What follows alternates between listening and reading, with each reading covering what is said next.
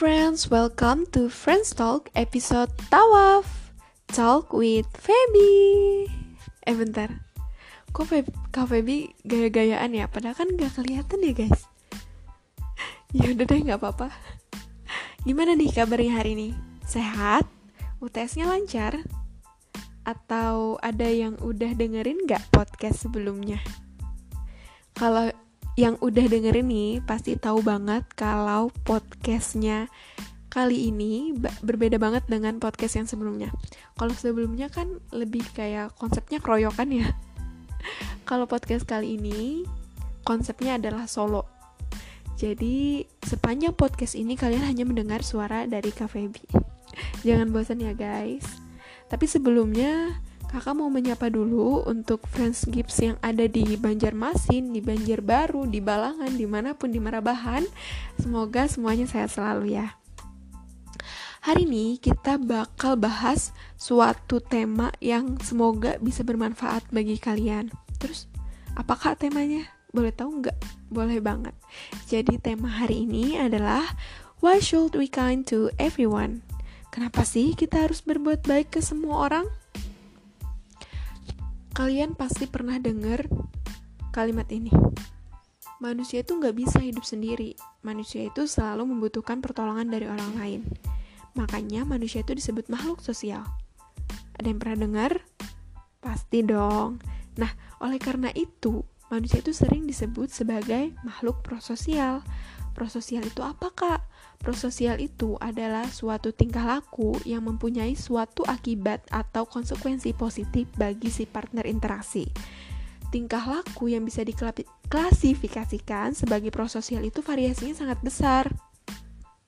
Bisa dimulai dari bentuk yang paling sederhana, contohnya seperti hanya memberikan sebuah perhatian, hingga yang paling besar atau yang paling hebat misalnya hingga berani mengorbankan diri demi orang lain. Lebih lanjut, tingkah laku prososial itu dapat dikatakan sebagai suatu perilaku yang mempunyai konsekuensi sosial positif, yaitu bisa menambah kondisi fisik dan juga mental seseorang menjadi lebih baik. Bagaimana wujudnya prososial atau apa sih bentuknya prososial, Kak? Bentuknya ya, bentuknya bisa dari persahabatan, kerjasama, dan yang paling simpelnya adalah menolong. Ngomong-ngomong, apakah kalian percaya nih kalau berbuat baik itu bisa bikin kita bahagia? Gimana? Kakak denger sesuatu nih, tadi ada yang jawab ya? Gak ada yang bercanda. Kakak yakin kalian pasti jawabnya dalam hati kan? Jadi, percaya gak sih kalau berbuat baik itu bisa bikin kita bahagia? Ada yang bilang percaya, ada yang bilang enggak nih. Yang mana nih? Aliran yang mana nih? Oke, kita ambil aliran yang percaya ya, supaya nyambung kita materinya. Jadi ada beberapa me mekanisme yang terlibat dari bagaimana kita melakukan perbuatan baik itu. Di mana perbuatan baik yang kita lakukan itu bisa membuat perasaan kita jauh lebih baik. Da namun ini tuh bisa tergantung lagi kepada kepribadian masing-masing. Masih nggak percaya nih kalau berbuat baik itu bisa membuat bahagia? Waduh, apa tuh? Masih nggak percaya nih kalau berbuat baik itu bisa bikin kita bahagia? Oke, kalau kalian nggak percaya kakak bakal beri contohnya. Contoh pertama, senyum menular. Jadi salah satu contoh berbuat baik adalah bisa membuat orang lain tersenyum. Nah, jika kita melihat mereka tersenyum tuh secara tidak langsung, kita pun juga bisa merasakan sesuatu itu gitu merasakan kebahagiaan. Contohnya gini deh misalnya kalian lagi di jalan atau di tempat umum deh terus ada orang yang senyum ke kalian ibu-ibu atau anak kecil gitu pasti kalian juga ikut senyum kan? Nah itu salah satu contoh berbuat baik itu bisa membuat kita bahagia. Contoh kecilnya senyum aja gitu. Kita senyum orang lain senyum kita senyum terus respon dari orang lain itu senyum balik dan itu bisa bikin buat kita bahagia loh guys terus yang kedua melakukan sesuatu yang benar. Nah melakukan sesuatu yang benar maksudnya apa kak? Jadi misalnya melakukan kebaikan untuk menghibur orang lain yang sedih itu juga bisa buat perasaan kita lebih baik feel better membuat kita nyaman gitu. Alasannya kenapa? Karena kita merasakan kelegaan sama seperti yang mereka rasakan. Dan kita pastinya juga ngerasa kalau kita udah melakukan sesuatu yang benar. Betul itu apa ya? Kayak pecah-pecah gitu. Nah itu guys. Jadi kalau misalnya ada teman kita yang lagi sedih, lagi misalnya ada masalah, terus nangis, terus kita yang ada di sana kita menghibur dia dan juga kita bisa membangkitkan moodnya atau kita jadi mood booster lah untuk dia itu pastinya bakal bikin diri kita menjadi bahagia juga karena kita lega gitu loh dia yang sedih kita yang hibur terus dia udah gak sedih lagi itu bener-bener rasanya plong banget ada yang pernah kayak gini atau lagi ngalamin nih sekarang Oke, contoh selanjutnya ya. Contoh selanjutnya itu adalah menciptakan koneksi. Nah, berbuat baik membuka banyak kemungkinan baru untuk mengembangkan hubungan sosial dengan orang lain. Percaya apa enggak? Percaya dong. Tindakan baik hati seperti memberi seseorang hadiah atau menemani atau cuma hanya menemani seseorang ngopi, ngobrol, terus eh, bincang-bincang santai gitu, itu bisa menguatkan pertemanan kita. Dan efeknya apa sih untuk diri sendiri? Efeknya yang tadi kita sebutin bisa membuat mood kita lebih baik. Sama halnya dengan kegiatan amal Misalnya nih ada yang pernah ikut kegiatan amal atau open donasi untuk orang-orang yang membutuhkan jadi relawan dalam suatu kegiatan. Itu tuh beneran dampaknya bisa ke diri kita sendiri. Membuat mood kita lebih baik dan membuat kita merasa menjadi diri yang lebih baik. Tentunya membuat kita juga bahagia melihat orang-orang yang kita bantu itu seneng gitu ngerasa kebantu dengan kehadiran kita gitu terus apalagi ke contohnya Contoh lain yaitu adalah menjadikan identitas diri kita menjadi lebih baik. Kebanyakan orang nih ya, kebanyakan orang tuh pasti seneng banget kalau tahu dirinya itu adalah orang baik. Ya iyalah, siapa sih yang gak mau jadi orang baik ya kan? Nah, tindakan itu, tindakan-tindakan yang kita lakukan ke orang kan bisa bisa kita lakukan ke orang dalam bentuk apa pun ya Tindakan-tindakan baik itu membantu kita untuk menunjukkan identitas diri positif kita dan membuat kita itu bangga menjadi diri sendiri. Contohnya apa kak?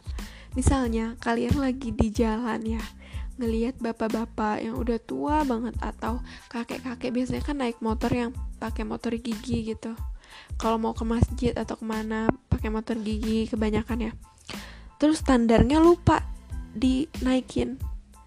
Nah, terus kalian tanpa sengaja wes tanpa sengaja kalian yang ngelihat itu tuh langsung negur gitu ngasih tahu kalau pak standarnya pak dinaikin gitu bapaknya kan jadi kayak oh iya makasih dan kita membantu bapaknya itu supaya nggak kejadian hal-hal yang nggak diinginin dan pasti kalian rasanya menjadi orang paling baik sedunia. Bener nggak?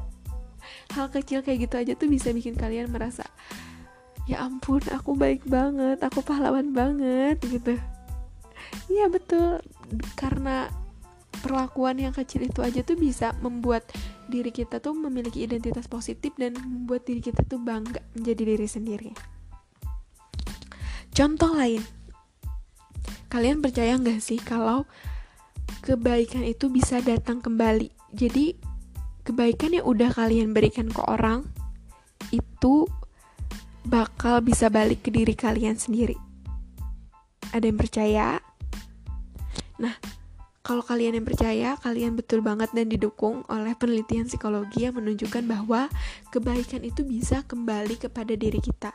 Ini bisa terjadi secara langsung atau tidak, bisa dari atau tidak, tapi untuk waktunya jangan tanya ya kapan baliknya karena yakin aja itu pasti balik tapi nggak tahu waktunya kapan. Dan harus diingatin bahwa kalau kita melakukan suatu kebaikan jangan mengharap timbal balik ya. Tapi yakin aja kalau yang kita lakuin untuk orang itu benar-benar bisa bermanfaat untuk orang itu sendiri. Oh ya nggak hanya itu nih tadi kan udah disinggung dikit ya berbuat baik itu juga bisa meningkatkan mood. Nah mood yang baik ini bakal membuat kita lebih murah hati lagi gitu untuk berbuat baik. Kayak apa sih kalau kalian dalam mood yang lagi baik tuh kayak ngelakuin apa-apa tuh kayak enak aja gitu nggak nggak perlu disuruh nih nggak perlu disuruh nih. Ada kan videonya ada yang udah lihat nggak tuh? Kalau misalnya dalam mood yang baik katanya kalau bersih bersih rumah tuh dengan senyum banget. Tapi kalau dalam mood yang gak baik bersih bersih rumah rasanya mau ngebanting semua barang. Ada yang pernah lihat video itu nggak? Kalau pernah berarti sama yang kita follow. Oke, okay, jadi kebaikan dan kebahagiaan itu sebenarnya merupakan hubungan yang dua arah. Kita baik, kita bakal dapat bahagia, gitu. Ya kan guys? Ya dong. Terus, tapi kak, gimana sih kak caranya agar tetap berbuat baik atau tetap positif di lingkungan atau di sekitar orang-orang yang negatif. Gak bisa dipungkiri ya, kalau dalam suatu lingkungan itu pastinya ada sosok atau ada seseorang yang bisa memberikan pengaruh negatif ke diri kita. Terus apa yang harus kita lakuin kak supaya kita bisa tetap positif di tengah-tengah orang negatif? Nah, ketika kita menghadapi orang-orang negatif dalam lingkungan sosial, hal terbaik yang bisa kita lakukan adalah kita menggunakan filosofi paman parkir. Mundur, mundur, mundur. Dan memberikan mereka ruang. Jadi kalau kita dalam lingkungan yang berisikan orang-orang negatif dan juga pokoknya memberikan pengaruh negatif, ya tadi kita harus mundur dan memberikan mereka ruang. Kita harus mundur dulu nih kita aja yang mundur kita aja yang mundur. Tapi gimana kalau mereka itu nggak bisa dihindarin? Kayak ketemu aja tiap hari juga meskipun nggak bisa ketemu langsung ketemu lewat WA ketemu lewat Zoom. Nggak bisa dihindari pokoknya ada aja urusan sama mereka-mereka ini untuk itu kakak punya 6 tips. Waduh 6 tips yang bisa kalian lakukan kalau kalian bertemu dengan eh kalau kalian gak bisa menghindarin orang-orang yang negatif ini gak bisa mundur dan memberikan mereka ruang kalian bisa pakai 6 tips ini. Udah siap dengerin ya gimana? Udah siap? Jawab dong. Kakak gak denger nih. Kan emang gak denger ya oke tips pertama tetap tenang dan beristirahat yang cukup. Jadi ketika kita lelah, ketika kita udah lelah banget nih untuk menghadapi orang negatif dan situasi yang sulit yang muncul secara bersamaan, terus kemampuan kita untuk menghadapi semua itu tuh berkurang, maka langkah terbaik yang bisa kita lalui atau yang bisa kita tempuh adalah beristirahat yang cukup agar fisik dan mental kita tuh tetap terjaga. Beristirahat yang cukup Iya, betul, beristirahat yang cukup. Salah satunya apa? Tidur yang cukup itu dapat mengembalikan energi kita. Tapi jangan juga tidur setiap saat. Kalau itu namanya kalau tidur setiap saat, setiap saat namanya adalah kaum rebahan. Tidur yang cukup itu dapat mengembalikan energi kita. Jadi misalnya kita lagi capek-capeknya, lagi uh gedek banget gitu. Dan situasi yang sulit tuh muncul terus. Ya kita harus istirahat dulu santai dulu santuy kata anak sekarang. Santuy dulu santuy istirahat dulu baru nanti lanjut lagi. Terus tips yang kedua adalah hampir nyambung nih. Tips yang kedua adalah berhenti sejenak dan tinggalkan lalu kembali hampir sama kan kayak yang di atas. Kalau kita lagi terjebak dalam situasi yang sulit, maka hal yang harus kita lakukan adalah bergerak secara fisik, menjauh lalu kembali. Seperti take a moment dulu gitu. Misalnya udah lagi uh gimana? gitu. Jadi bisa kita lah entah ngopi dulu atau ke Indomaret dulu atau melakukan hobi yang kita senangi misalnya jogging. Atau kalau kalian yang suka jalan-jalan gitu atau cuma lihat-lihat jalan doang gitu itu bisa dilakuin kita take a moment dulu kita berhenti sejenak, kita cari kesibukan lain, lalu kembali gitu. Tips yang ketiga, mencari tahu tipe orang yang kita hadapi atau situasi yang kita hadapi. Nah, dalam menolong seseorang kita harus tahu dulu nih tipe orang yang kita bantu ini apakah benar-benar seseorang yang memang membutuhkan pertolongan atau hanya mencari simpati dari kita atau hanya cuman ya cuman iseng-iseng doang gitu? Kita harus tahu itu situasi seperti apa yang kita hadapi itu kita harus tahu. Lalu tips keempat yaitu orang ketiga. Jadi yang namanya support system atau mood booster itu emang penting banget ya guys. Yang namanya mood booster itu penting banget jadi kita perlu punya support system orang ketiga yang bisa ngebantu kita membuat menghilangkan stres itu. Orang yang selalu mendukung kita orang yang selalu mensupport kita dalam keadaan apa pun yang mendengarkan keluh kesah kita. Nah itu penting banget orang yang kayak gini nih. Kalau kalian udah punya teman atau sahabat yang klop banget yang udah bener-bener bisa jadi mood booster kalian pertahanin oke? Okay? kalau yang belum punya nggak apa-apa. Kami ada ke Friends Gives ada selalu untuk menjadi mood booster kalian. Oke, kita lanjut ya. Jangan nangis dong Kak Baby. Enggak, enggak nangis kok. Selanjutnya adalah tanggung jawab. Nih, kita semua pastikan membutuhkan seseorang yang mendukung dan membuat kita nyaman secara emosional ya.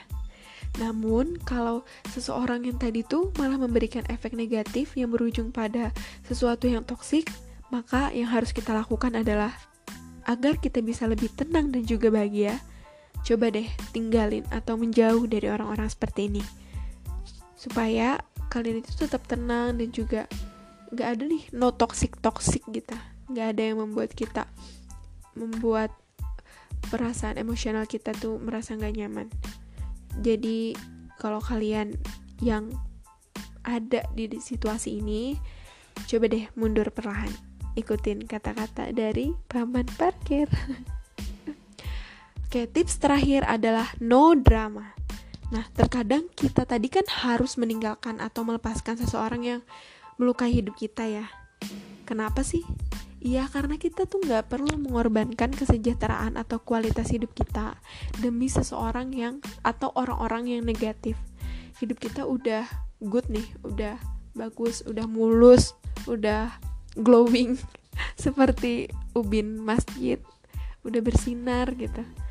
Dan kita mau nih mengorbankan kualitas hidup kita demi orang-orang yang negatif.